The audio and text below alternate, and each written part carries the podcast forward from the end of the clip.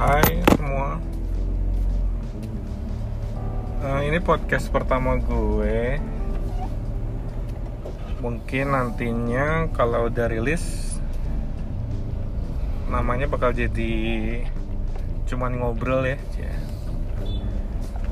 Kenapa cuman ngobrol? Karena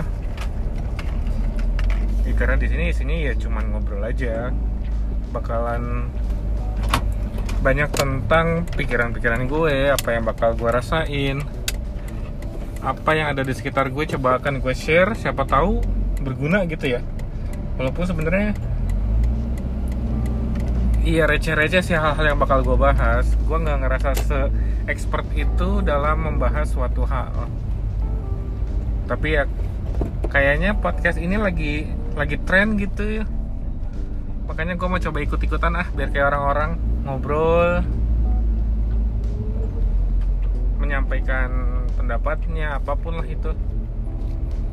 Tapi nggak menutup kemungkinan di masa yang akan datang nanti ya mungkin ada teman ngobrolnya juga. Jadi nggak cuma ngobrol sama gue tapi ntar bakal ada banyak perspektif dari orang-orang di sekitar gue ya langsung aja kali ini gue mau bahas tentang hal yang common gitu terjadi. Banyak banyak terjadi di sekitar gue juga. Mungkin di sekitar kalian juga banyak. Tentang masalah patah hati ya.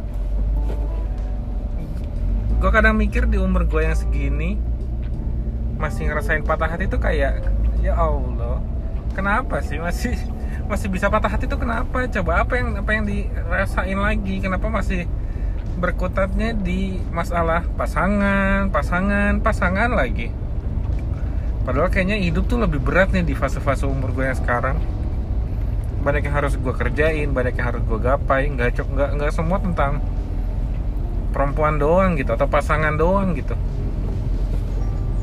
Tapi ini yang bakal gue bahas karena belum lama ini gue mengalami yang namanya patah hati. Kenapa bisa sampai patah hati? Karena orang yang tadinya gue pikir bakal bisa jadi pendamping gua. Ya, karena gue juga udah merencanakan itu sih. Tapi pada akhirnya dia memilih untuk pergi. Waktu itu nggak tahu gue penyebabnya apa tapi nggak lama kemudian gue akhirnya tahu penyebab dia memilih untuk pergi itu apa. Ya gue bisa apa kalau dia udah udah udah memilih untuk pergi ya kan? Gue ya cuma bisa sedih sendiri aja kalau kayak gini mah eh maaf nih bakal banyak suara motor, suara klakson, suara lampu sen. Lampu sen ada suaranya nggak sih? Ya pokoknya kan kalau di mobil nih lampu sennya bunyi gitu ya. ya karena gue ngerekam ini di mobil, kayak selanjut selanjutnya juga mungkin banyak bakal di mobil karena ya gue seneng aja gitu ngomong sendiri lagi di mobil lagi di atas motor tapi kalau di atas motor kayaknya bakal susah karena terlalu bising tapi kan kalau di mobil lebih senyap gitu ya jadi ya enak aja gitu kerekam di mobil. Ya balik lagi ke masalah patah hati tadi. Ya awal-awal hari-hari gue mengalami patah hati itu sangat berat. Rasanya sama kayak waktu gue kehilangan nyokap. Nyokap meninggal waktu tahun 2016 dan ya perasaannya sama gitu sedih kecewa tapi bedanya menurut gue kehilangan seseorang yang meninggal itu seharusnya bisa lebih mudah ngatasinnya karena ya orangnya udah meninggal dan gak akan ada lagi di dunia ini. Yang bisa kita lakukan pertama cuma berdoa mendoakan terus yang terbaik buat almarhum almarhumah gitu. Dan gue rasa orang yang meninggal itu berarti tugasnya di dunia kan sudah selesai ya misi yang dia bawa ke dunia ini kan udah udah rapih gitu. Tanpa kita sadari. Ya mau nggak mau ya udah akan dipanggil lagi ke ke Tuhan. Dan kita sebagai manusia yang udah yang masih hidup ya seharusnya bisa melanjutkan misi baik yang udah dibawa sama orang-orang terdahulu. Salah satunya nyokap gua. Ya itu bedanya di situ yang kalau waktu dulu gue ngerasa lebih cepat bisa ngatasinya karena satu itu uh, yang, di, yang yang meninggalkan adalah nyokap yang udah meninggal gitu. Dan sekarang bedanya yang meninggalkan gue orangnya masih hidup masih ada. Dan itu gue ngerasa lebih berat karena ya gue masih bisa ngeliat dia di sosial media gitu. Apa yang dia lakuin masih kelihatan. Nah tapi satu hal lagi yang menjadi persamaan ketika gue ditinggal nyokap dan ditinggal orang ini adalah gue sama-sama marah gue sama-sama kecewa terutama sama Tuhan gitu ya. Bodoh sih. Uh, eh, gue marah sama Tuhan karena kenapa harus gue kenapa gue yang ngalamin hal-hal kayak gini? Padahal waktu itu ya bukan sekarang ya. Padahal gue sudah melakukan hal-hal baik banyak hal-hal baik yang udah gue lakuin ke sekitar gue ke orang yang gue sayang gitu. Tapi balasannya kayak gini waktu itu gue mikirnya kayak gitu ya. Emang ya nggak masuk akal lah sebenarnya. Tapi makin ke sini ya gue gue kayak makin nyesel gitu. Kenapa gue punya pernah pernah punya pikiran kayak gitu? Marah sama Tuhan. Padahal kalau dipikir-pikir ya ya mungkin ini yang terbaik buat gue kalau misalkan orang itu masih masih ada di gue masih bertahan sama gue kemungkinan nggak akan semulus itu lagi jalannya. Ya, karena mungkin udah banyak hal-hal yang dipendam sejak lama nggak bisa diungkapin dan pada akhirnya memilih untuk pergi. Itu mungkin jalan yang terbaik. Setelah akhirnya proses berdiam diri mengurung diri nggak mengurung juga sih karena gue masih kerja masih segala macem. Setelah banyak proses lah gue lewatin akhirnya gue sadar bahwa hidup tuh jangan melulu lah tentang sedih karena hal cinta gitu ya.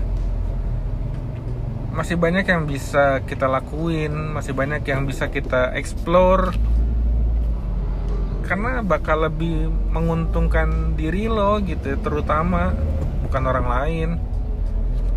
Gue pernah dengar satu nasihat dari temen gue dari circle kecil gue bahwa gue harus melampiaskan energi sedih ini ke suatu medium. Mungkin ini bisa jadi iya cara buat yang lain juga gitu ya.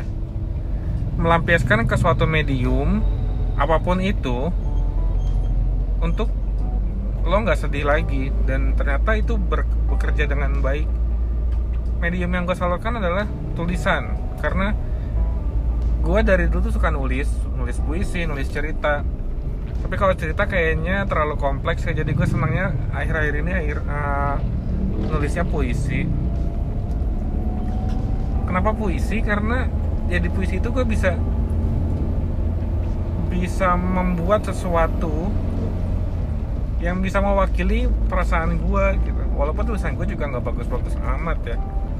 Ya masih yang gitu-gitu ya. Tapi kalau gue baca lagi tulisan gue gue ngerasa perasaan gue gue pindah ke situ berhasil gue pindah. Gue seneng. Gue seneng ngelakuinnya dan ya dikit-dikit itu mulai bisa uh, ngurangin ngurangin rasa sakitnya ngelupain masalah-masalah itu dan gue bisa uh, lebih bisa berpikir logis untuk mengambil keputusan di masa depan. Walaupun belum sempurna ini masih dalam tahap proses belajar juga gitu tapi seenggaknya yang gue petik dari hal ini dari hal patah hati ini adalah ya gue bangga pernah patah hati. Berarti gue masih menjadi manusia yang normal. Masih jadi manusia yang punya perasaan. Karena berarti gue masih peka gitu. Dan dan kepekaan ini akan gue bawa mungkin nanti ke depannya. Entah itu hubungan yang baru atau hal-hal yang baru lagi yang gue nggak akan tahu sekarang. Dan gue juga menyesal. Yang tadi udah gue sebut gue menyesal pernah marah sama Tuhan. Karena seharusnya nggak kayak gitu dong. Seharusnya ya kita sebagai manusia terima apa yang udah diberikan oleh Tuhan. Baik atau buruk itu pasti yang pasti yang benar gitu buat kita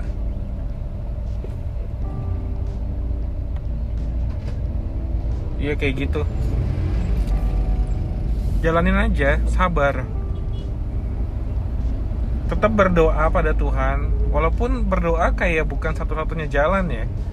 Yang gua yang gua alamin adalah gue cuma gue pernah dalam fase cuma berdoa cuma berdoa tanpa melakukan hal lain gitu. Gue berdoa pada Tuhan untuk sesuatu yang baik untuk gue tapi itu nggak cukup karena dari diri gue sendiri tuh nggak melakukan apa pun selain berdoa kan? Ya, makanya itu salah juga menurut gue jadi ya ada harus sesuatu yang dilakuin gitu. Tadi salah satunya adalah melampiaskan emosi gue ini ke medium yang baru. Ini cara ini nggak bisa dilakuin oleh semua orang sih. Uh, caranya bakal beda-beda. Tapi yang satu yang pasti adalah lakukan sesuatu tentunya yang baik yang positif. Jangan coba untuk lupain masalah yang udah ada karena itu bakalan lebih susah. Rasain aja ikutin hati lo maunya kayak gimana hati lo mau ngerasa sedih hati lo mau nginget lagi itu ya wajar. Lewatin aja rasain aja jangan di pura-pura nggak tahu pura-pura dihilang-hilangin karena itu akan efeknya lebih berat ya tentunya gue juga ngalamin hal ini ya. Gue pernah coba untuk kayak cepet-cepet lupain cepet-cepet uh, nutup yang udah lama. Dan itu nggak berhasil. Karena ya gue nggak ngerti ya apa ada teorinya atau enggak. Tapi yang gue alamin ya kayak gitu. Rasain aja sendiri. Ntar lama-lama badan lo juga capek. Dan dia akan ditinggalkan dengan sendirinya dan itu berhasil gue lakuin. Ya walaupun sekarang masih kadang suka keinget-inget kenapa sih bisa kejadian yang kayak gitu. Dan nah yang munculnya selanjutnya adalah introspeksi jadinya bukan penyesalan. Ya mungkin dulu banyak yang lo lakuin dan itu salah tapi lo nggak sadar. Kalau nggak ditampol kayak gini lo nggak akan tahu. Tapi setelah kejadian ini lo akan sadar bahwa ya lo mungkin salah dulu. Ada sesuatu yang bikin hal itu eh, nggak uh, berjalan mulus. Dan logika baru yang gue dapat adalah kalau semuanya baik-baik aja ya sekarang gue nggak akan ada di titik yang sekarang titik patah hati ini gitu. Dan yang gue dapat gue sih dapat hal-hal baru kayak gini nggak melulu dari orang-orang ya kadang dari tweet orang random juga. Maksudnya orang-orang di sini lah circle gue gue dapat bisa dari mana pun. Gue beberapa hari yang lalu gue baca tweet yang kena banget menurut gue jadi intinya adalah uh, orang tuh datang ke hidup kita nggak selalu jadi hadiah buat kita. Kadang bisa jadi pelajaran buat kita bahasa Inggrisnya lebih keren sih. Jadi waktu itu bunyinya uh, person uh, came in your life not only for present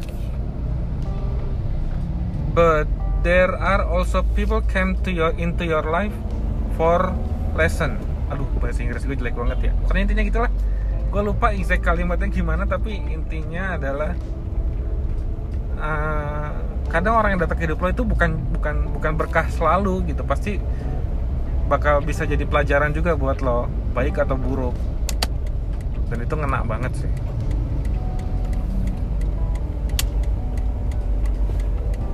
Mungkin sharing kali ini cerita-cerita receh kayak gini cukup kali ya sampai sampai sekarang nih. Mungkin ya selanjutnya bakal ada topik yang lebih berbobot siapa tahu uh, eh, gue bisa jadi konsultan dalam hidup. Nggak harus percintaan ya masalah lain juga bisa. Karena kalau dipikir-pikir pekerjaan menjadi seorang ya kayak psikolog itu pekerjaan yang bagus gitu mulia banget menurut gue karena dengan mereka bacot doang gitu ya banyak ngomong doang itu bakal bisa ngasih impact yang besar buat orang lain. Bukan motivator ya. Motivator mah gue ngerasa bullshit aja. Tapi kalau psikolog itu nyata beneran bisa berimpact gitu. Karena gue sering denger podcast podcast yang narasumbernya psikolog. Dan omongan mereka tuh kayak aduh keren lah. Itu bisa diterapin di hidup kita juga. Ya adalah kepanjangan nih closingnya uh, sampai jumpa lagi di podcast berikutnya yang gak akan pernah gue tahu kapan selanjutnya. Ini semutnya gue aja berarti. Kalau gue pengen bahas sesuatu ya akan rilis lagi. Tapi kalau enggak ya gak akan gue paksain juga.